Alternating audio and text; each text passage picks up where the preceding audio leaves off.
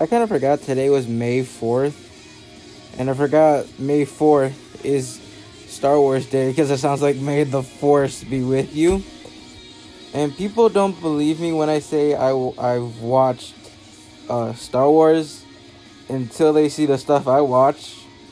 Because um Star I watched Star Wars like the literally the year before I got into anime. So yeah, Star Wars like there are like a few animes that I've seen and like there are like and like there are like some similarities from like Star Wars like their swords or like their abilities like oh I can do this with my mind. It's like the force is sounding the same because you control stuff with your mind. That sword looks very familiar. Oh yeah, it's a ripoff of a lightsaber. yeah.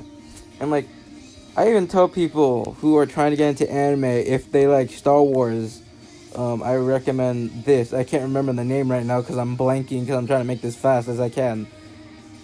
Or like if someone's ever trying to get into Star Wars, I either tell them watch them in like episode one, two, three, four, five, six, seven, how many, or watch them in like I guess the quote unquote original order with like Luke, the three with Luke Skywalker, then the three with Anakin Skywalker, and then the rest.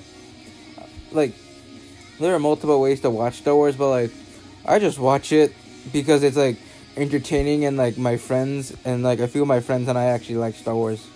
So yeah, that's the end of this um episode. No intro, no outro. I have to make this kind of fast. Bye.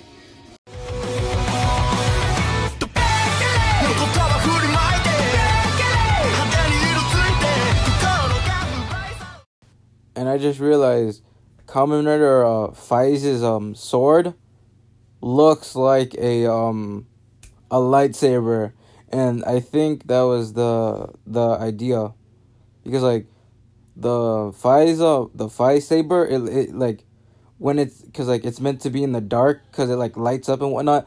I swear every time I see that I'm like, oh my god, he's on the dark side. also, apparently, um, My Hero Academia, like the, so like, someone that is in charge of My Hero Academia is like a big, big, big fan of Star Wars. Like, All for One was meant to look like Darth Vader, and Volume, and like My Hero Academia Volume twenty something like, if you look up manga covers for My Hero Academia, there is one that looks exactly like one of the original Star Wars posters.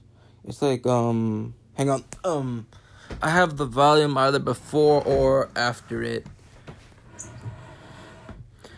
Um it was like Okay.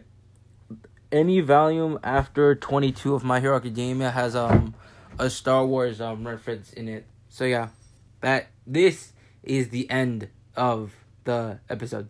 Bye.